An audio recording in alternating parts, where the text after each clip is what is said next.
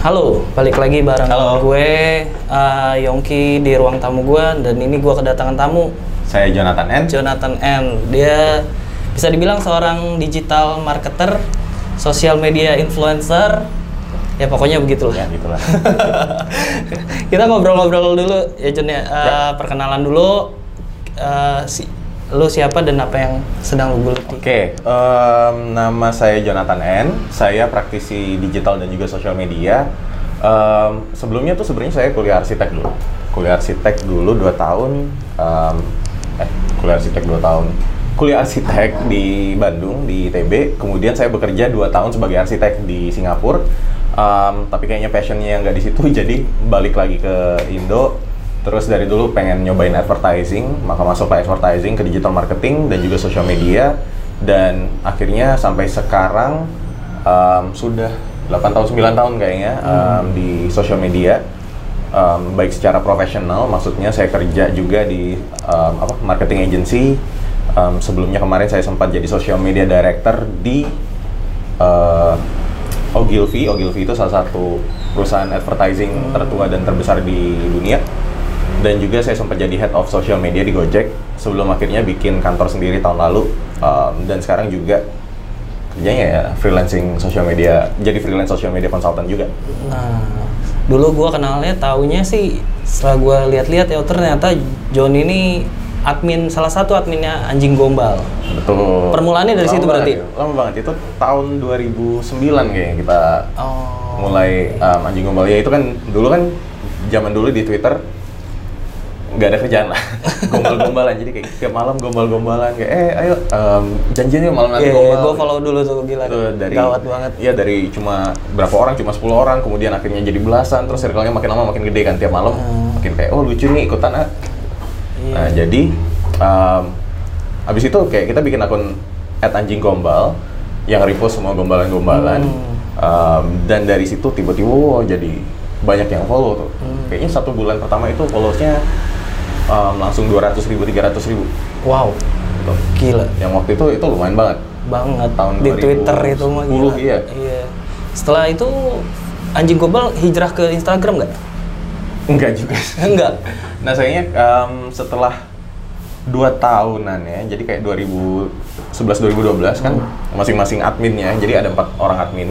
Um, kita juga sibuk dengan pekerjaan masing-masing. Jadi si anjing gombal ini agak-agak nggak kurus. jadi ya udahlah. Um, sekarang kita biarin aja punya di situ. Jadi kayak monumental aja mengingatkan oh dulu kita pernah bikin ini. gitu. Oh iya, iya. Setelah itu berarti lu kerja itu yang ke Singapura. Um, Arsitek. enggak, arsitek sebelumnya justru. Oh sebelumnya. Sebelumnya. sebelum- Jadi oh. gue kerja arsitek, terus gue resign di Jakarta, gue masuk advertising. Nah si anjing gombal tuh muncul ketika gue di Oh, Jakarta sebenarnya. gitu. Terus baru lu hijrah ke Instagram. Instagram sebenarnya dari awal sudah bikin Instagram kan. Zaman dulu tuh Instagram tahun 2011 kayaknya. Baru bikin yang filternya masih banyak banget tuh. Iya iya. Terus yang masih iPhone doang gitu. Iya, kan. benar-benar, Masih cuma benar. iPhone doang itu udah bikin. Cuma kayak waktu itu ah apaan sih udah. Oh. Sibuk juga kan. Jadi em, lebih fo- lebih fokus di Twitter. Tapi kemudian gue juga suka traveling sesekali dan kalau jalan-jalan eh, post foto-foto di Instagram. Hmm. Nah dari situ em, mulai dikenal sebagai travel influencer. Oh travel dulu berarti. Travel. awalnya. Nah meskipun sekarang kan kayak sudah sibuk ya. Iya. sibuk lagi, jarang traveling lagi dan kayak ah udahlah em, daripada terlalu serius kayaknya kalau Instagram buat foto-foto yang yang bener-bener travel tok. Ya. Ah. Udahlah jadi lebih sekarang lebih post keseharian.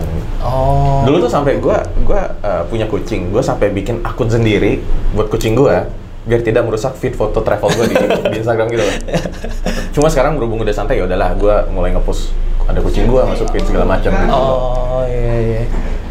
Gila gila. Nah Johnny ini termasuk salah satu foto-fotonya salah satu favorit gua karena foto-fotonya tuh Ah bisa aja. orgasme mata pokoknya intinya. Terus Waduh. setelah itu gimana caranya lu membangun followers lu di Instagram pas saat, saat itu? Nah, em, kemarin juga kan gue sempet, eh, ya intinya intinya dulu Instagram gue aktif cuma ketika gue traveling. Iya. Em, nah tapi eh, makin Pas sini nggak pas nggak traveling tuh kayaknya bingung mau Betul, ngepost apa gitu. Betul. Cuma kan makin sini kan ada Instagram juga mengenalkan feature Instastory gitu. Hmm. Dan menurut gue kayak gue melihat Instastory ini sebagai um, apa ya platform yang lebih santai gitu kan. Kalau di feed itu kayaknya beban lo harus ngedit Iya, iya, bagus apa benar-benar. segala macam gitu kan. Tapi kalau di story itu ya bisa playful lah, bisa Ah. santai aja seharian gue lagi ngapain, bisa main pakai filter segala macam gitu. Hmm. Dan nah berhubung gue juga orangnya jadi gue itu ke sosial media gue nyari hiburan Betul. kalau gue udah butek aduh butek jadi gue nyari hiburan gue follow akun-akun lucu banyak di twitter apa segala macam dan jadi gue juga sedikit ya komedi humor lah Um, nah di situ juga gue kadang share um, sering kali gue share story-story yang lucu gitu kan yang menghibur sehingga orang-orang oh ternyata banyak yang apa merasa terhibur karena kayak wah gila John story lo bikin gue ketawa ngakak sampai terguncang apalagi. Terus dari situ kayak oh oke. Dan ya udah gue tetap um, apa karena ya tuh gue juga senang ketika orang lain senang ketika Ah, gue bisa betul. menghibur. Jadi udah gue tetap lakukan di story Um, terus tadi feed gue yang feed Instagram yang foto-foto travel serius juga mulai gue lebih santai gitu loh kadang ada tebak-tebakan Oh kadang ada gitu. foto kucing kadang apa gitu jadi nggak nggak inilah karena gue ngelihatnya sekarang gue juga mulai rebranding diri gue dari yang tadinya travel sekarang ya udah lebih ke lifestyle yang yang yang santai lifestyle dan humor gitu. jadi Oh, ada kombinasi situ gitu. juga Jadi udah yang nggak nggak khusus bahwa lu tuh Ya. Influencer traveler, travel Ya. terus gitu. Oh, nah pertanyaan gua kalau misalnya profesional nih, Ya. kayak misalnya gua kan fotografer nih, Hmm, pasti kan punya sosmed tuh. betul. Nah itu cara mengelola sosmednya gimana sih kalau menurut lo? cara mengelola sosmed ya posting konten aja Posting konten Jadi, di oke. feed gitu. Ya, apalagi buat yang baru mulai nih. Em, jadi kadang mikir kadang, em, aduh, gue harus apain posting apa, Mm-mm. terus kontennya harus bagus apa gitu loh. Hmm, betul. Em, kayaknya lo mikir terlalu jauh gitu. Maksudnya gini, ya udah yang pertama lo lakukan adalah posting aja konten sebanyak-banyaknya dulu, gitu kan. Hmm. Ya, kalau bisa bagus ya nggak apa-apa. Cuma jangan sampai malah jadi perfectionist gitu. Ah. Perfectionist seminggu nggak masih nggak dipost nih, masih masih ada yang kurang gitu. jangan sampai kayak gitu juga gitu. Maksudnya kayak kalau di startup itu ada prinsipnya better being done than perfect. Jadi kayak lebih baik jadi daripada sempurna gitu loh. Oh. iya Jadi betul. menurut lo udah ya lumayan lah, oke bisa post aja. Dan seiring waktu kan lama-lama lo juga belajar kan. Membaik lama-lama. Ya lo sudah terbiasa dengan prosesnya, makin lama juga um, lo kerjanya makin cepet gitu. Lo jadi ngerti selera lo kayak gimana, udah kayak otomatis sendiri Iya, gitu. benar-benar. Nah itu kan nanti bisa diciptakan gara-gara biasa. Soalnya kalau lihat fotografer-fotografer ya, ya dari awal atau jangan fotografer deh, um, instagramer kan banyak tuh Iya, iya. mau travel influencer apa segala macam lo lihat dari awal foto-foto mereka Hmm. pasti nggak sebagus itu tapi seiring waktu mereka belajar jadi lebih bagus gitu kan dan kalau lo baru mulai gitu kalau misalnya followers lo anggap aja followers lo kurang dari 10.000 ribu gitu um, lo masih belum ada beban untuk bikin foto sebagus itu banget gitu. jadi yang pertama ya udah bikin bikin bikin usahakan bikin konten yang yang orang apa ya yang bermanfaat buat orang lain sehingga orang juga mau follow gitu kan gitu. Nah dari situ um, ya sampai kemudian oh ternyata followers lu lumayan banyak nih. Hmm. Ya udah boleh lah lo memperdalam nambah skill lagi mau belajar editing foto apa segala macam biar fotonya makin bagus gitu. Hmm. Atau storytellingnya dibagusin gitu gitu. Berarti gue simpulkan berarti harus punya informasi, Hmm. benar? Jadi um, oke kalau ngomongin konten juga sebenarnya konten yang bermanfaat itu ada dua. Yang pertama konten um, informasi. Mm-mm. informasi yang buat orang dari nggak tahu jadi tahu Iya. gitu kan informasi bisa macam-macam soalnya kalau travel influencers oh em, tempat nongkrong ini ini ini di Bali gitu misalnya Ah. itu keren banget gitu itu kan berikan informasi, Informasi. orang dari nggak tahu jadi tahu atau food influencers em, oh ini caranya eh, lo masak atau apa gitu. Hmm. cara lo masak atau em, misalnya ada satu restoran di Gang Jakarta yang enak banget Iya. gitu itu food influencer Hmm. memberikan informasi Iya. gitu kan atau juga misalnya kayak family influencer parenting cara mengasuh anak Benar. gitu cara apa segala macam. Ah, Q&A gitu kan informasi. Um, selain informasi ada juga konten yang um, menghibur gitu entertaining. Ini juga lumayan diminati gitu. Um, seperti apa konten entertaining itu ya kayak misalnya lo post humor gitu kan. Kan Iya. kayak banyak tuh akun aureceh apalah Iya, segala macam iya, benar. itu kan kayak kenapa orang banyak yang follow? Karena menghibur karena Benar. bikin orang ketawa. Bener. Em, atau misalnya yang musical cover lagu cover lagu gitu. Uh, termasuk kategori menghibur. Ah, menghibur Justin Bieber bisa segede ini karena awalnya dia nggak cover lagu Iya benar. Right. Um, nah terus juga misalnya kayak um, model look penampilan gitu itu juga menghibur enak di mata gitu, Hmm, iya iya. Gitu. jadi sebenarnya um, kalau konten ya itu tadi informasi sama hiburan Mm-mm. Tuh, dua konten ini yang sebenarnya um, bermanfaat buat orang-orang nah kalau misalnya um, jadi kalau gue misalnya profesional sosial media Hmm. oh gue bisa memberikan edukasi tentang um, gini caranya buat kamu yang punya bisnis gimana caranya mau social media marketing misalnya Iya, iya. untuk kegiatan gue sehari-hari gue humorkan Oh, gitu kan jadi iya, iya. kalau dari gue um, itu termasuk uh, hal-hal yang apa yang bermanfaat buat orang atau gue juga sering sharing financial tips yang yang ringan-ringan gitu loh Ah. nah orang juga ngeliat oh bermanfaat nih buat gue jadi mereka follow gitu Nah itu tuh eh, lu udah skemain atau let it flow aja gitu? Um, bisa ya dan tidak sih maksudnya gue udah kepikiran oke uh, misalnya gue sebulan ini gue mau bahas finance ah Oh. Mau bahas finance misalnya, oke minggu pertama gue bahas tabungan aja, minggu kedua gue bahas apa saham, minggu ketiga gue bahas apa gitu. Ah, Utang. terlepas itu di endorse atau enggak? Bisa ya bisa tidak.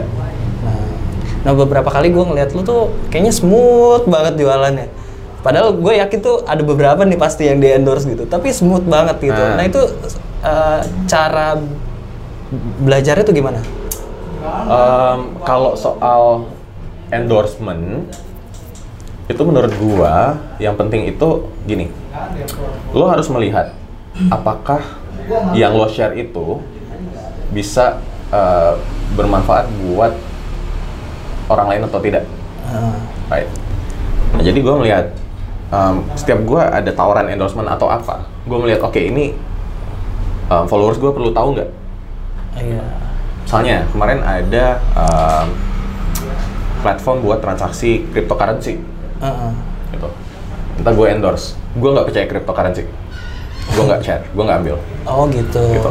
Karena ya gue nggak bisa ngejual ses- sesuatu yang gue sendiri nggak percaya gitu. Oh, Itu prinsip gua. Benar-benar. Ya Nah, itu kejujuran sih. Iya, misalnya kalau tapi kalau misalnya ada tabungan gitu Hmm. atau kartu kredit misalnya. Oke, kartu kredit bagaimana caranya kartu kredit ini bisa bermanfaat buat followers gue? Oke, gue akan mengajarkan sebenarnya kartu kredit itu banyak manfaatnya gitu kan misalnya. Em, yang perlu di ini adalah kadang di Indonesia itu persepsi mis- misalnya kartu kredit buat ngutang. Iya. Nah itu yang harus gue luruskan juga Hmm. Gitu karena ketika gue tanya lo kartu kredit gimana oh ngutang oke sekarang gue jadi karena ngutang mereka jadi nggak mau pakai kartu kredit Betul. takut ngutang ah. oke sekarang gue tanya kalau misalnya lo pakai kartu kredit lo bisa gratis dapat tiket ke Paris lo mau nggak Ya mau. mau kan Iya. semuanya mau gitu ah. nah jadi itu sebenarnya salah satu benefit yang bisa dipakai yang bisa didapat dari kartu kredit Ah, cuma dalam pemakaiannya kita harus bijak gimana caranya biar nggak ngutang gitu. Hmm. Jadi kreditnya lancar apa segala macam. Nah itu bagian itu juga gue edukasi. Jadi gue memberikan sesuatu nilai lebih. Iya informasi lagi. gitu. nilai lebih nggak cuma eh ini kartu kredit ayo pakai. Gesek. Nggak gitu juga gitu. Oh iya.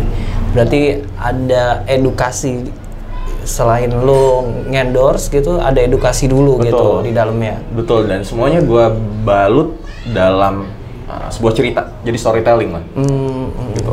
Jadi kan dengan storytelling orang bisa lebih kebayang oh di kehidupan tuh kayak gini contoh-contohnya Iya betul. Yang kayak tadi kartu kredit kan aduh kartu kredit kartu kredit susah udah nih lo pakai kartu kredit lo bisa dapat tiket ke Paris oh mau gua ya Diiming-imingi dulu. itu harus ada contoh yang bener-bener Iya, iya, kebayang iya, gitu loh iya. Betul betul Kan? betul. Entah dapatnya gimana, ngumpulin miles dari belanja atau Iya, gimana gitu. ya kan gitu. Iya iya. jadi gue juga bisa yang gue promosikan sebenarnya pemakaian kartu kredit yang sehat Mm-mm. bukan brand kartu kreditnya juga Iya iya. iya. gitu pemakaian kartu kredit yang sehat begini nah kalau mau pakai kartu kredit rekomendasi gue ini Oh iya. iya. sesuatu yang juga gue percaya karena itu tadi gue nggak mungkin gue nggak mau mempromosikan sesuatu yang gue sendiri nggak percaya Benar. Betul betul. Penting itu. ini ya penting jadi kalau misalnya ada tawaran gue selalu misalnya um, oh produknya kayak gimana coba gue lihat dulu apakah ada aplikasi gitu coba gue pakai dulu gitu Mm-mm, betul betul. karena ada tanggung jawab dari gue ke followers gue gitu loh Iya betul. Jangan pemutih ketek, tapi keteknya hitam. Iya betul. Terus kalau profesional menurut lu per- perlu nggak sih punya dia kan udah pasti punya sosial media, Ya. perlu nggak punya web? perlu nggak punya web tergantung Contoh ya arsitek, Apa? fotografer atau arsitek gitu, arsi- Ya. interior designer kan pasti Ya. kan butuh media buat me- menampilkan portofolionya. Betul. Nah sebenarnya em, gini, fungsi website itu pentingnya adalah di em, hasil pencarian Google. Karena Hmm. hasil pencarian Google akan menampilkan website, bukan sosial media. Oh iya. SEO itu. Ya. Nah makanya em, kategori kalau profesional misalnya, apakah layanan jasa lo itu termasuk yang banyak di Google? Orang tuh nyarinya di mana sih? Gitu. Hmm. Misalnya orang nyari em, fotografer Jakarta, tik website lo nongol. Hmm. atau misalnya orang nyari um, best coffee shop di Jakarta, oke kafe lo nongol, gitu. Nah, jadi um, kalau orang nyarinya dari Google, sebaiknya lo bikin website. Nah ini juga, jadi kita harus um, apa ya? Kita harus mengerti, misalnya profesional, bagaimana customer kita behaviornya kayak gimana sih? Mereka nyari jasanya tuh di mana sih? Apakah misalnya mereka nyari di Google, atau misalnya mereka langsung nyari ke sosial media? Kalau sepenglihatan lo sekarang gimana? Orang tuh lebih banyak lihat sosial media atau Nah kalau sekarang kan misalnya tergantung makanya balik lagi. Kalau misalnya fotografer, kayaknya fotografer di sosial media pun lebih kelihatan gitu kan, Hmm. lebih kelihatan. Portfolio ya satu Instagram itu misalnya itu portfolio lo, Hmm, gitu kan. iya, Jadi lo sebenarnya bisa memindahkan website ini ke Instagram, iya. misal. Tapi kalau em, pekerjaan lain apa ya pekerjaan lainnya? yang banyak di googling? Misalnya pijet bayi gitu. Mm-mm. Ada tuh pijet bayi. Gitu. Cuma itu lo nggak akan mungkin lo nggak nyari pijet bayi itu di Instagram gitu loh. Iya, nyari kecil pijet bayi, kemungkinan enggak gitu. Kecil Mungkin kemungkinan. lo akan ke Google Ah, pijet bayi. Lebih cepat. Nah, cepet. Nah di situ oke, lo butuh website. Kan? Dan website kan sebenarnya gampang juga. Maksudnya sekarang juga banyak em, apa? Banyak template-template website Udah di jadi gitu ya. WordPress, di Blogspot. Oh. Jadi lo juga nggak harus ribet-ribet bikin dari nol gitu lah. Hmm. Nah, berarti tadi termasuk konten marketing ya yang Ya. lu ceritain itu Hmm. berarti konten marketing itu sebenarnya marketing yang dibalut konten. Bener gak? Em, konten marketing itu benar sih, marketing yang dibalut konten ya intinya em, gini, karena sekarang kan perilakunya adalah orang mengkonsumsi konten, Mm-mm. kan. Dulu ya kontennya TV, dulu eh, di radio, tapi sekarang kontennya di website, Uh-uh. di sosial media, media. gitu kan. Nah makanya ketika kita marketing sesuatu, ada baiknya kita juga tap into konten marketing, gitu. Dalam bentuk konten-konten produk atau layanan kita seperti apa sih? Hmm. Nah, konten juga banyak yang perlu dipikirin, mulai dari kontennya seperti apa, komunikasinya apa, platformnya apa aja, mau itu sosial media misalnya. Oke, sosial media gimana? Fotografer, oke fotografer mungkin di Facebook, mungkin di Instagram, Twitter, kayaknya enggak, gitu-gitu loh. Hmm, iya, iya. Karena kan fotografer, eh, fotografi kan lebih visual. Visual. Nah, kan Twitter kan mainnya tulisan. Iya, iya. Termasuk arsitek juga, pokoknya yang Hmm. bisa dilihat gitu ya portofolionya. Betul. Tapi penting nggak? Kayak gue fotografer butuh tulisan yang baik gitu loh. Maksudnya gimana? Caption yang baik atau instastory-nya isinya ya yang menghibur atau gimana gitu. Hmm, kalau fotografer, em, asumsinya adalah fotonya bagus ya. Mm-mm. Fotonya bagus itu kayak udah setengah jalan tuh gampang tuh. Ya kan, em, ya kayak kita ngelihat ada cewek atau cowok cakep lewat gitu kan. Iya. Wah, cakep kelihatan, wah. Jadi kayak setengah jalan tuh udah tertarik. Uh-uh. Kalau ternyata dia ternyata ngilfilin pas ngomong ya pasti tahu gitu kan. Tapi kan minimal kita ada ketertarikan. Iya, nah, jadi fotografer juga sebenarnya em, keunggulannya itu ketika visualnya terlihat bagus, orang tuh sudah oh oke gitu. Sudah mulai tertarik. First Nah, kalau impression-nya udah- misalnya kita tambahin caption yang storytellingnya bagus apa segala macam, gitu kan, itu juga orang makin nyangkut. Gitu. Jadi kayak wah ternyata nggak cuma cakep, pinter juga nih orangnya. Ah, sama kayak travel blogger juga ya. Iya. Kayak gitu dia punya foto bagus di sini, tapi kalau lu nggak bisa ceritain juga ya cuma gitu aja gitu. Hmm, karena kan, em, nah itu kan setiap foto punya cerita yang berbeda. Iya betul. Itu kan yang bikin orang juga makin tertarik gitu loh. Tapi kalau misalnya ya captionnya gitu-gitu aja monoton ya mungkin orang lama-lama bosan. Betul. Nah kalau profesional itu kan punya but perlu nggak sih punya satu buat sosmed pribadi, satu sosmed portofolio? Em, tergantung gitu. Eh, brandingnya seperti apa gitu. Karena ini kan balik lagi sebenarnya personal branding. Nah em, personal branding itu bukan berarti lo nggak boleh sharing personal life. Hmm, nggak boleh. Tapi em, harusnya gini. Apakah personal life yang lo share itu itu mendukung branding lo nggak? Misalnya gue mau jadi gue mau branding sebagai chef hmm. Asik ya chef Nah, bagaimana cara gue bisa dapat branding seperti itu? Ya gue masak. Ya dong. Iya benar. Masa mau chef tapi nggak ada konten makanan? Heeh. Dan chef kan gue harus masak, juga. Masak. Itu kan. Iya. Nah, masak ya bisa aja kayak. Kalau personal life, gue baru bangun, gue masak. Gue Oh. share. Itu kan. Ah. So, Benar, ya mungkin di luar itu juga gue, uh, gue misalnya main bola gitu. Kalau gue share gue lagi main bola itu kan sebenarnya tidak mendukung personal, tidak menguatkan personal branding gue sebagai chef. Ah. Meskipun mungkin itu bisa jadi cerita yang menarik. Mungkin kayak oh sebagai chef gue tetap aktif olahraga misalnya. Ah. Bisa juga kayak gitu. Kadang-kadang kan orang tuh lebih suka kehidupan pribadinya daripada karyanya gitu loh. Nah itu makanya, uh, menurut gue balik lagi sebenarnya tujuan yang pengen lo share apa? Hmm. Kalau memang oke, misalnya gue pengen akun ini buat jualan banget, yang benar-benar profesional gitu, gue tidak akan menampilkan kehidupan pribadi, jadi benar-benar ya udah, gue sebagai chef, Ah. oke gue mau masak, gue bikin resep atau apa semuanya profesional gitu kan. Um, ini tips masakan, tips menjaga bahan makanan biar awet. Gitu. Sementara yang ini gue bisa, oke ini um, yang akun pribadi gue dan keluarga gue pas segala macem Oh iya. bisa juga cuma um, menurut gue ini jadi kayak terlalu kaku dan kehilangan personal touch aja Oh, Gitu. iya iya. Hmm, Nah brand awareness itu kan penting nggak menurut lo? penting Nah cara mulainya gimana sih? Cara mulainya terus impactnya setahu gua nggak nggak langsung ya? betul nggak langsung oke beratnya gini ini um, ketika lo mau jualan sesuatu baik itu layanan atau produk Mm-mm. pertama orang tuh harus tahu produk itu ada Oh iya betul. Iya kan? Nah, kalau nggak tahu gimana mereka mau mikir buat beli atau make iya. ya kan Nah, kalau gue bilang misalnya em, lo ada layanan buat antar jemput eh, piaraan lo mm. dari rumah ke dokter atau ke taman atau ke mana Hmm. Itu kayak oh ada nih oh iya, iya, iya. kan kayak lo baru tahu Iya benar. gitu ketika lo tahu oh oke gue mikir-mikir deh mungkin gue gue mau deh gitu. Iya. tapi lo baru kepikiran buat beli ketika lo tahu itu ada Iya. Nah, jadi misalnya lo bikin apa ya, gini, lo buka layanan fotografi. Mm-mm. Lo jadi fotografer buka layanan fotografi. Cara biar orang mau make em, mau make layanan lo, ya pertama harus tahu kalau eh, lo punya layanan itu, Mm-mm. itu kan.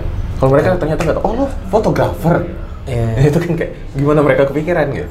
Betul betul. Yang pertama orang harus tahu. Nah setelah tahu, baru kita uh, kita ke fase berikutnya orang consider mempertimbangkan buat make atau enggak Hmm. gitu.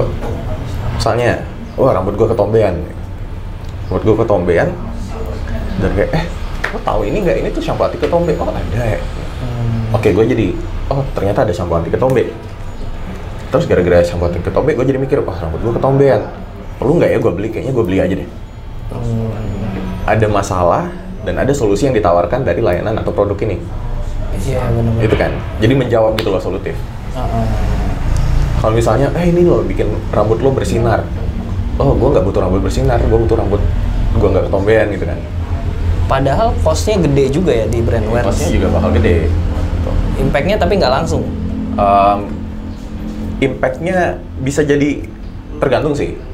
Maksudnya gini, bisa lo sekalian iniin loh. Maksudnya kan brand awareness intinya bikin orang jadi tahu. Hmm. ya bikin orang jadi tahu baik itu lo mau pasang mau iklan di TV, mau iklan di Instagram, Hmm. mau pakai influencer, endorsement apa segala macam boleh. Yang penting orang jadi tahu, oh ternyata ada layanan ini. Hmm. Nah di situ kan bisa lo inject misalnya, oh pakai fotografer, pakai layanan gue sebagai fotografer. Karena di gue semua foto lo jadi gimana? Ah. Apa yang membedakan lo dari fotografer-fotografer lainnya? Gitu. Karena gue misalnya em, editing gue eh, Bisa bikin lo cakep. Ya, Sehalus-halusnya. itu misalnya gue ngeditnya gimana ya? Em, foto biasa aja udah kayak foto wedding misalnya. Ah, gitu. Atau gua um, fotografer dengan um, jadi gua lebih ke uh, main cahaya, main night shot. misalnya. Itu kan sudah jadi karakter sendiri karena gua Iya. ngerti night shot sedangkan yang lain gak ngerti ah, gitu. Nah, itu bisa jadi jualan loh. Nah, di situ kan orang jadi mikir, "Oh, oh. kalau orang yang tertarik, oh gue pengen nyoba nih night shot." Tapi ada juga orang yang gak tertarik. Oh, enggak, gua Mungkin decisionnya nggak langsung gitu. betul. ya. Betul. Betul, betul, Tapi itu pun bisa bisa lo bangun loh dari awareness itu. Hmm, iya. Nah, eh, kalau menurut lo kualitas konten lebih penting atau kuantitas konten? Hmm. Jadi kan ada orang tuh emang ngepost banyak gitu. Contohnya Atta Halilintar setiap hari uploadnya gitu. Menurut lo quality atau quantity? Em, secara gini gini gini kualitas itu penting Right. tapi jangan sampai ya tadi lo ngejar perfection lo ngejar perfection sampai lo nggak ngepost ngepost Ya, banyakan mikir gitu. ya banyak kan mikir nah, jadi sebenarnya oke lo harus hitung berapa waktu yang dibutuhkan buat lo bikin konten yang proper gue nggak bilang yang perfect ya proper Hmm. yang cukup buat di post. Nah dari situ misalnya, oke, taruhlah em, kalau misalnya lo cover lagu gitu, Hmm. lo lo cover lagu, lo rekam, lo edit, itu membutuhkan waktu dua hari. Ya nggak apa-apa. Dua hari, ya udah bikinlah konten dua hari sekali. Atau kalau misalnya menurut lo kayak, oh gue pengen lebih banyak, ya udah hire orang, Hmm. hire orang buat bantu lo syuting, buat bantu lo ngedit. Ya kayak ya udah lo datang ngejreng, nyanyi, mereka yang ngeditin. Misalnya. Berarti bisa gue bilang eh, dengan seiring berjalannya waktu lo akan tahu polanya, Mm-mm. itu akan semakin membaik gitu ya. Ya, ya kuantitas sih sebenarnya ya kalau konten bisa lebih banyak ya bagus juga. Cuma kan nggak mungkin lo ngepost satu konten eh, satu hari 10 konten semuanya bagus semua nggak mungkin kan. Iya benar-benar. Jadi kan ada nah itu jadi carilah titik optimum di mana lo bisa bikin konten yang cukup bagus tapi nggak butuhkan waktu lama-lama. Jadi kuantitasnya juga masih bisa di diusahakan. Nah, lu udah mempelajari behavior followers lu dong, berarti dengan seiring berjalannya waktu. Ya. Menurut lu followers lu tuh yang tipikal yang kayak gimana sih gitu? Apakah mereka tuh yang setiap lu ngepost humor tuh jauh lebih banyak Oh. ataupun yang pas edukasi Ya. lebih dikit gitu? Kalau edukasi juga sebenarnya tergantung topiknya. Oh, relate nggak sama mereka gitu? Iya, relate nggak sama mereka. Misalnya, bahkan gue mengedukasi orang buat ayo naik MRT. Hmm. Postnya banyak banget tuh yang suka. Oh, Ya karena itu kan sebenarnya gue um, kayak MRT juga lagi waktu itu baru-baru Waktu lagi hype ya? baru-baru hype kan, baru buka. Terus ya udah gue kasih tips naik MRT misalnya, jangan makan di kereta gitu. Um, kalau ngantri berdiri di sisi luar, kalau di eskalator yang diem di kiri, yang yang jalan yang kanan. jalan di kanan gitu-gitu. Sebenarnya itu kan oh um, oke hype-nya dapet, informasinya dapet, mereka jadi tahu Hmm. gitu loh. Lu pelajari nggak? Mereka nge-share lagi nggak ke orang lain? Lu liatin nggak sampai ke situ? Um, kalau di situ sih gue liatin juga, cuma itu kan anggap aja bonus lah. Hmm. Itu bukan sesuatu yang gue incar. Yang penting sebenarnya, nah ini juga um, yang penting konten kita itu ada nilai lebih, gitu. Bikin orang ya lebih bermanfaat lah buat orang. Hmm. Jadi kayak daripada lo foto OTD misalnya, setiap hari foto OTD, OTD, OTD gitu kan. Um, tapi bisa sebenarnya lo bisa melakukan hal yang sama, foto OTD tapi dengan approach yang berbeda. Ah, Misalnya lo foto OTD tapi um, pesan yang ingin lo sampaikan adalah jangan takut buat jadi diri lo yang sebenarnya. hmm. Lebih berani berekspresi. Ah, Tunjukkan pada dunia ini lo. Iya, iya. Sebenarnya ma- itu kan masih foto OTD tapi jadi lebih dalam Betul, dengan kayak storytelling yang bagus atau apalah. Iya, iya. salah satu contohnya Sonia Erika tuh. Ah, Dengan fashion yang beda, dia tapi dia berani gitu nampilin. tuh. Betul, betul, betul. Nah gosipnya kan di Instagram tuh Ya. gosipnya bakal dihapus feature like ya. Ya. Itu menurut lo penting apa nggak penting? Penting nggak penting sih. Em, kayaknya ini eh, ralat sedikit mungkin bukan dihapus feature like, tapi like-nya cuma bisa dilihat sama yang ngepost. Ah iya betul. Eh, atau enggak ya? Kayaknya sih seperti itu.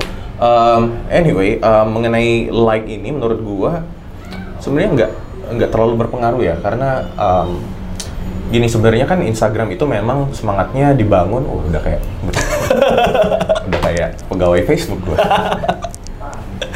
Instagram kalau lihat nyari brand ambassador. Sebenarnya Instagram itu kan dibangun buat um, semangat sharing community Ah. gitu kan. Community yang suka foto, yang suka Betul. makan, yang suka Betul. jalan-jalan, yang suka apa, pokoknya komunitas-komunitas di mana mereka saling berbagi informasi, saling membangun satu sama lain gitu. Um, membangun hubungan pertemanan juga, ya you name it lah. Ah. Nah, tapi belakangan sebenarnya likes itu kan kayak oke uh, untuk menunjukkan apakah konten kita disukain atau tidak. Itu bisa jadi feedback juga buat kita. Tapi sekarang banyak yang kayak menjadikan likes itu tujuan gitu. benar. Gue pengen bikin konten biar likesnya biar dapat likes Likesnya banyak. gitu kan. Uh, dan kayak baru posting konten gitu. Satu menit refresh, iya benar. dua menit refresh, like-nya udah nambah belum tiga menit refresh gitu yang kayak Iya, iya, ya udah nggak usah dipikirin gitu kan. Jadinya haus ya kan. Malah kita jadi fokus ke hal-hal yang menurut gue nggak esensial. Ah, Lo malah fokus ke likes daripada sebenarnya um, apa? Ya konten lo sudah oke atau belum gitu. Um, pesannya sudah dapat atau belum? Karena zaman sekarang juga banyak orang yang membaca sesuatu, baca konten, menyerap, tapi mereka nggak engage sama sekali, nggak like, nggak komen, nggak share. oh, cuma scroll lihat, scroll Iya, lagi scroll gitu. ya. Kayak baca misalnya ada berita penculikan gitu. Ah. Ada orang yang sharing berita penculikan apa-apa. Udah lo baca, baca, baca, baca sampai habis. Lo baca sampai habis. Kayak lo pengen tahu ini akhirnya kayak gimana sih. Tapi lo nggak like, lo nggak komen, lo nggak share sama sekali di sini. Gitu. Tapi apa? Apakah dan itu jadi dibilang lo nggak engage nggak juga? Karena lo sebenarnya engage, cuma memang tidak terlihat gitu kan. Iya. Silent reader aja Iya, iya, gitu. Nah cuma kan um, sekarang juga banyak orang yang jadi depresi. Gitu. itu loh efek sampingnya. Aduh, kenapa postingan dia banyak yang nge-like, kenapa postingan gua enggak? Gitu. Nah ini jadi um, sebenarnya ya mungkin ada positifnya lah ketika Iya, like itu benar. dihilangin gitu. Jadi kita lebih fokus ke konten instead of ke number of like. Ah, iya, Gitu iya. kan. Kita fokus ke konten-kontennya oke nggak, bermanfaat buat kita nggak. Gitu. Itu pengaruh kalau yang jualan ya gitu. P- Pengaruh ke jualan gak sih? Nggak juga. Gak juga ya? Nggak juga. Like gue sering kok lihat iklan. Gue nggak komen apa-apa, gue langsung buka e-commerce, gue langsung beli. Oh iya. Gitu kan? Benar benar benar. Nggak, Gitu. nggak begitu pengaruh juga Itu sebenarnya. bisa bisa aja dari awareness langsung beli. Karena misalnya, oh gue butuh nih. Pas momennya. Kayak tadi misalnya gue ketombean nih, rambut Hmm. gue ketombean. Tiba-tiba nongol iklan shampoo hati ketombe. Gue nggak akan komen, wah iya pas banget nih rambut gue ketombean, nggak akan. Ah, Karena gue juga mungkin malu gitu. "Ah, rambut gue Bener, ketombe bener, dilihat orang-orang gitu. Terus gue nge-like, orang kayak ngapain nih orang nge-like shampoo hati ketombe gitu kan. benar-benar. Mungkin gue akan diem-diem aja, tapi Iya. gue langsung beli. Iya benar-benar. Gitu. Jadi sebenarnya nggak ngaruh juga. Oh. Nah kalau mendingan sponsor ads apa endorsement menurut lo? Em, Lebih impact mana sih? sponsor ads atau endorsement itu sebenarnya apa ya beda ini sih Em, endorsement dalam artian pakai influencers ya influencer marketing jadi kalau em, sponsor ads itu kan sebenarnya secara cost jauh lebih murah jauh lebih murah memang Em, sedangkan eh, lebih murah dapat banyak gitu loh Iya benar.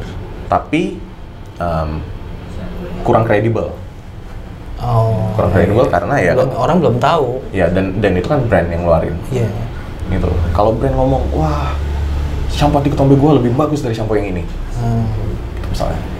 Tidak ada testimoni di Iya, dalamnya. tapi ketika influencers ngomong gitu, iya gue pakai kok, ya emang emang oke ini emang yang lebih bagus daripada brand anu gitu. Oh, Oh ya udah, orang jadi mikir-mikir, oh ya mungkin gue coba deh.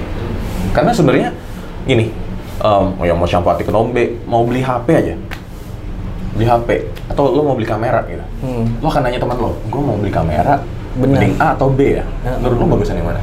Temen lo yang jauh lebih ngerti kamera atau mungkin dia udah fotografer lebih senior gitu. Lo beli yang B aja lah, yang A itu udah kayak gini, lensanya susah apa segala macam, oke lo akan cenderung milih B. Iya benar. Betul kan? Betul.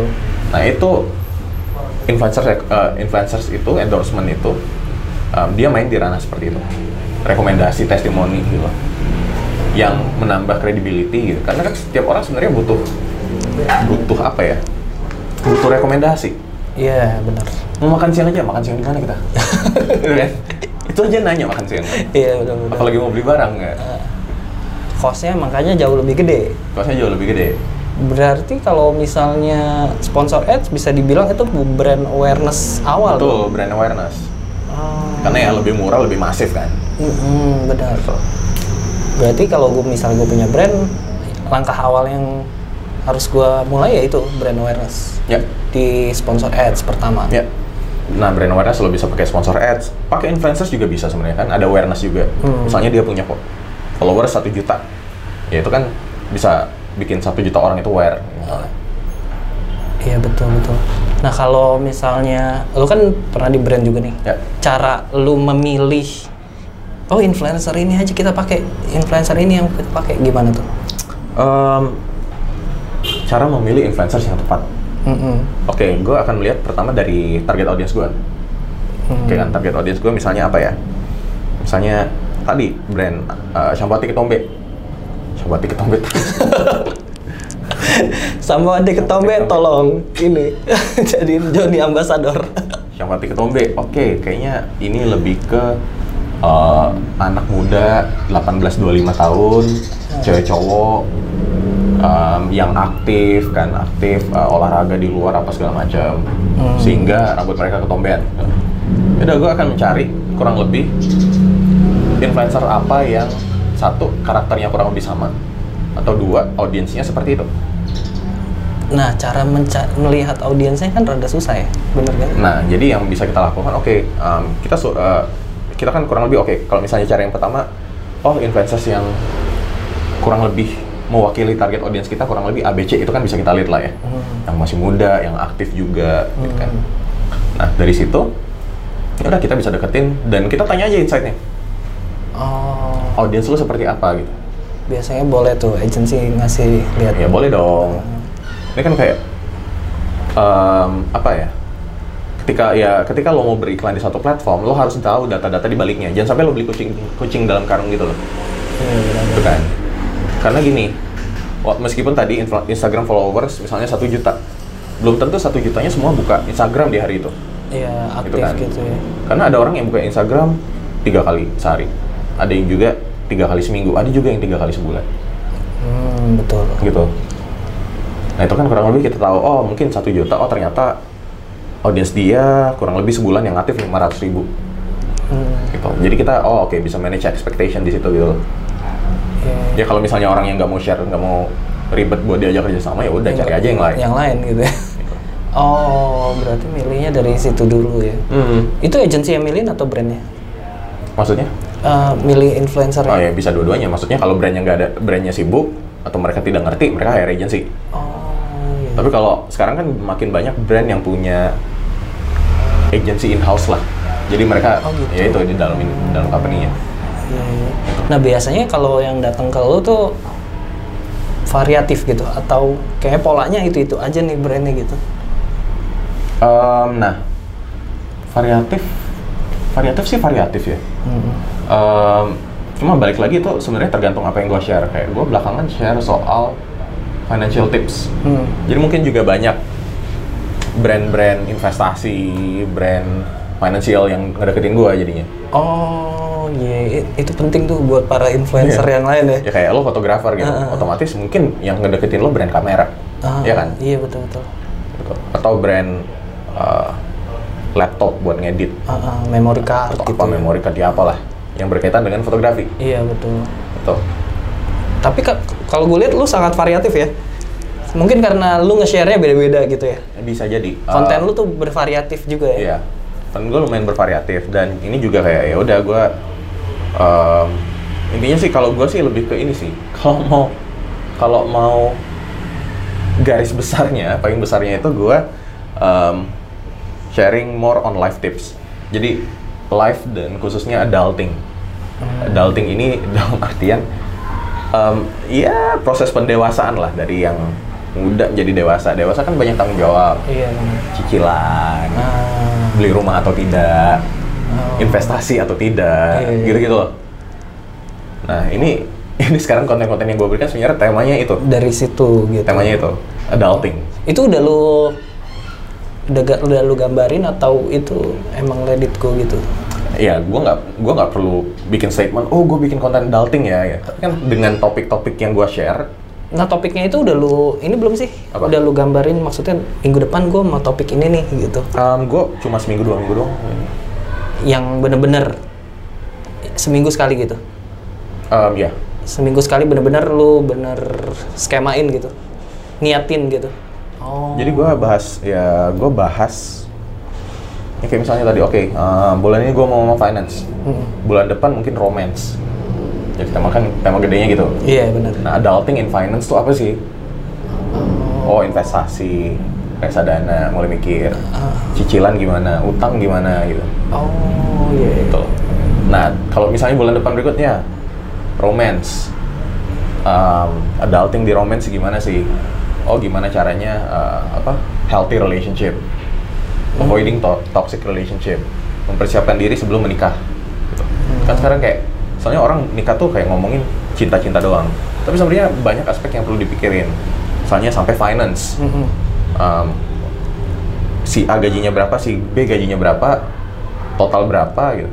Nah itu kan akan menentukan mereka akan tinggal di rumah kayak gimana, Hmm. mau beli apa aja, mau nyicil mobil, duitnya cukup nggak gitu. Nah ini kan sebenarnya harus transparan. Iya iya. iya. Mau punya anak langsung atau enggak, Banyak yang bisa dibahas dari itu kan banyak bisa dibahas. Cuma kan kadang kayak, misalnya kayak gini deh, nikah, terus um, cewek tadinya dua-duanya bekerja, Hmm. cuma istrinya dipaksa suami buat udahlah kamu gak usah kerja, kamu di rumah aja. Hmm. Terus istrinya jadi kayak um, merasa sebel juga karena dia tadinya pengen aktualisasi diri dengan bekerja, Iya. tapi dia jadi nggak bisa. Betul. Itu terus jadi sebel, tapi udah nggak bisa apa-apa karena sudah menikah. Hmm. Ini kan sebenarnya hal-hal kayak ini kan bisa dibicarakan sebelum menikah gitu loh. Iya. Bisa janjian dulu. Gitu. Cuma orang ya kayak mikirnya nikah itu cuma masalah ya udah nikah bareng udah. Gue cinta lo cinta udah. Iya iya. Iya iya. iya. Itu kan. Betul betul betul. Pengen gue share soal adulting gitu. Oh, berarti gue mulai paham, gue mulai paham. Adulting. Iya, iya. sama eh, kehidupan memelihara hewan juga. Eh, part of adulting juga tuh komitmen. Iya, gue lihat juga tuh pas lo kenapa lo memilih kucing Iya. daripada anjing gitu. gitu. Itu juga kan kadang orang kayak, John, kenapa lo lebih suka kucing daripada anjing? Enggak, bukan masa suka enggaknya. Gue suka dua-duanya kok. Masa gue cuma karena gue tinggal di apartemen. Kondisi. Tinggal gue tinggal di apartemen, gue nggak bisa milih anjing. Kenapa? Anjing itu berisik. Mm-mm. Apartemen itu kecil buat anjing. Kalau kucing kan dia masih bisa lompat sana sini ya. Iya betul. Jadi apartemen itu sangat playful lah buat kucing. Nah terus em, banyak teman gua yang tinggal di apartemen miara anjing pasti kena tegur. Jadi yang lapor tuh kayak tetangga-tetangganya Iya, gitu loh iya. yang merasa terganggu. Merasa berisik. Anjingnya gonggong-gonggong. Em, jadi dilapor ke pengelola, diusir. Hmm, Jadi pokoknya dia atau anjingnya juga harus keluar kan ini ya udah gua gua praktikal, gua bukan nyari anjing atau kucingnya tapi ke piaraannya. Hmm. Gitu doang kan. Iya, iya. Dan itu banyak relate juga ke orang-orang yang lain Hmm. kehidupan di Jakarta gitu ya. Iya. Iya. Ada yang mau tambahin nggak kira-kira? Soal gue nambahin ini sih, gue mau nambahin marketing. soal sosial media. Karena menurut gue sekarang sosial media itu kayak kalau dulu kan susah ya, maksudnya kayak dulu lo mau dilihat orang, lo harus punya akses ke TV Mm-mm. atau radio atau lo masuk majalah, Mm-mm. gitu kan. Em, tapi sekarang buat lo bisa dilihat, lo cukup bikin akun sosial media. Iya. gitu. Jadi di satu sisi sosial media ini menciptakan peluang baru gitu buat lo, um, buat didengar dan buat menjual diri lo. Benar-benar. Awalnya kayak gimana? Awalnya mulailah dengan branding yang bagus. Branding lo mau jadi apa sih? Oke, lo mau fotografer. Lo fotografer. um, orang itu mencari fotografer yang seperti apa sih? Gitu kan? Orang yang foto fotonya bagus, yang eksploratif, bisa ngeditin juga, misalnya. Hmm. Oke dari situ, oke maka branding gue fotografer seperti ini, ini, ini konten yang harus gue tampilkan di sosial media seperti ini, ini, ini. Gitu. Betul. Nah, fotografer. Beda lagi kalau misalnya chef tadi. Hmm. beda lagi kalau misalnya musisi. Musisi mungkin harus lebih sering nyanyi atau main musik gitu. Biar orang tahu dia musisi. Iya, gitu betul. kan? Betul, betul. ada yang travel tapi lebih spesifik hiking. Semua fo- eh, fotonya hiking semua kontennya. Naik gunung mana segala macam. Karena dia pengen brandingnya sebagai hiking bukan traveler biasa. Jadi ada pembeda di situ. Sudah. um, ketika branding lo kuat gitu um, yang paling penting juga gimana caranya lo bisa bikin konten yang bermanfaat buat orang lain. Gitu kan? Karena ketika konten lo ada manfaat buat orang lain um, ya orang makin bakal bakal makin kehook sama lo. Nyangkut aja gitu. Hmm. orang akan terus balik ke lo kayak oke konten apa lagi nih yang yang bakal gue dapet nih? Konten apa Oh. lagi nih yang bakal di share pengetahuan apa nih? Gitu. Jadi dia udah nggak ngelihat lagi kontennya, ngelihat elunya sebagai orang yang share informasi terus gitu. Hmm. iya ya? gitu Oh, oke. Maka mungkin gue nggak nggak tiap hari juga gue gue Iya. sharing sesuatu yang bermanfaat. Betul betul.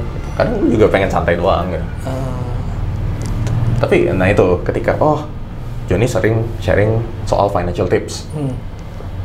Kadang mereka ngeliatin Ah. apakah lagi ngebagiin itu. Bahkan kayak nanya, eh John bagi lagi dong gitu. Oh, Oh ya udah nggak apa-apa gitu. jadi adiktif. Betul. Jangan ngatur. Oh, ngatur ya. Nah, itu dan ini juga em, di satu sisi ketika branding lo sudah kuat, em, lo juga bisa membuka banyak pintu gitu. Iya betul. Ya kita collab gitu kan. Ah. Coba kalau gua nggak ini, lo tau gua nggak akan tahu gitu. Betul betul. Gitu. Em, bisa collab dengan ya influencers lain segala macam atau juga dengan brand bikin kerjasama gitu. Em, karena menurut gue sekarang itu orang ya, orang kayak pengen jadi influencer biar dapat duit. Jadi kayak ujung-ujungnya duit gitu loh. Em, iya, jadi kalau lo jadi influencer bisa bisa dapat duit, tapi jadilah influencer yang motivasinya itu memberikan sesuatu yang bermanfaat buat orang-orang lain gitu loh Hmm, betul. Betul. duit ya nantilah ya duit ya kalau konten lo bagus duit juga akan datang dengan sendirinya tapi bikin konten lo bagus dulu Iya betul. Tuh. Orang kadang ngelihat enaknya doang sih. betul susah lo bikin konten oh, Betul, kita janjian di sini juga susah. ini habis ini dia bakal ngedit lagi gue terima beres aja iya, karena gue juga suka ngeliat cuan is life-nya Joni ya kan. Iya. Ternyata banyak yang bisa dikerjain lewat sosial media ya. hmm, banyak banget gitu kan bahkan sekarang kayak Yang aneh-aneh, yang aneh-aneh lu dapet DM apa tuh? wah banyak banget Eh, kak gue punya tanah kosong di Jogja. Enaknya dijadiin apa ya mana gue tahu juga. Ya misalnya itu salah satu contoh absurd. Ya. nah terus em, ini juga kan sekarang gara-gara Instagram juga Hmm. pekerjaan yang paling laku tuh kayak fotografer Hmm. graphic designer. Tiba-tiba demandnya gede banget. Iya. banyak teman-teman gua yang udah alih profesi jadi instagramer slash fotografer yang sampai pindah ke Bali. Hmm, iya benar. pindah ke Bali foto-foto kan di sana ya. Bali itu kayak Cakep. lo bosen juga lo keluar rumah udah pantai sunset jepret udah lo balik lagi. Benar. udah dapat banyak lah konten bagus kalau di Bali. Semua sudutnya bagus. Nah mereka sampai pindah ngedalamin konten foto sana sini. Terus branding diri mereka sebagai fotografer Em, ya ujung-ujung kayak banyak dapet job foto prewed foto wedding gitu di Bali. Itu kan sebenarnya peluang itu banyak banget lo nggak perlu jadi fotografer Hmm, kuliah fotografi segala macam betul. buat jadi fotografer gitu. Em, nah tergantung sekarang sebenarnya kita mau nggak melihat peluang yang ada gitu. Hmm, gitu. Apalagi sosial media kan yang tadi, oh Instagram, oh butuh fotografer banyak, graphic designer. Iya, Tapi kalau kita nggak kita kita ngelihat juga nggak mau gerak, ah udahlah, bukan bukan bidang gue gitu. Hmm. Ya udah, kamu akan melewatkan kesempatan kayak gini. iya, iya. Keren keren. Jadi banyak peluang di sosial media, tergantung bagaimana kita mau melihatnya dan ya taking the chance. Benar benar. Jadi sekarang itu kayaknya yang yang apa ya? Kalau kata Darwin kan survival of the fittest. Hmm, Jadi yang survive itu yang paling adaptif, bukan paling kuat. iya. Adaptif lingkungan baru dia bisa langsung berubah menyesuaikan. Benar. Nah ini ketika sosial media bikin landscape, oh pekerjaan tuh jadi kayak gini-gini ya. Hmm, lo harus bisa langsung menyesuaikan. Peluangnya banyak, lo sesuaiin lo bisa masuk sini nih. Tapi kalau lo nggak mau gerak kan, ya udah lo akan di luar Gitu-gitu aja. gitu. itu gitu. Iya sih, bener. Kita semakin terbantukan dan semakin lebih gampang, tinggal kitanya aja ya. Benar. Mau gerak apa enggak? Benar. Ada teman gue aja yang bikin usaha, bikin caption, 50.000 ribu per caption. Siri. si Zari. Dia bikin 50.000 ribu per caption, bisa dipakai buat caption Instagram. Lo mau minta maaf sama mertua bisa, lo mau ngirim buat pacar kalau LDR bisa, kartu ucapan, segala macem gitu. Ya, Dia omsetnya puluh, sebulan bisa puluhan juta gitu. Dari order caption doang. kan. gila-gila. Ya. Jadi peluangnya tuh banyak ya. Hmm. Oke lah, thank you buat Joni. Terima kasih juga sudah. Terima kasih pada Yong buat buat mengundang saya sini. Uh, thank you buat Joni udah mau, gue juga nggak nyangka awalnya dia bakal mau gue ajak ngobrol. Semoga uh, obrolan kita hari ini bisa banyak bermanfaat lu semua. Amin. Terus kalau nanti ada update yang lain juga mungkin kita akan ketemu lagi buat ngobrol lagi, Amin. buat memberikan informasi-informasi yang penting buat lu. Segitu aja ya. Thank you udah nonton sampai sini. Bye bye. Bye.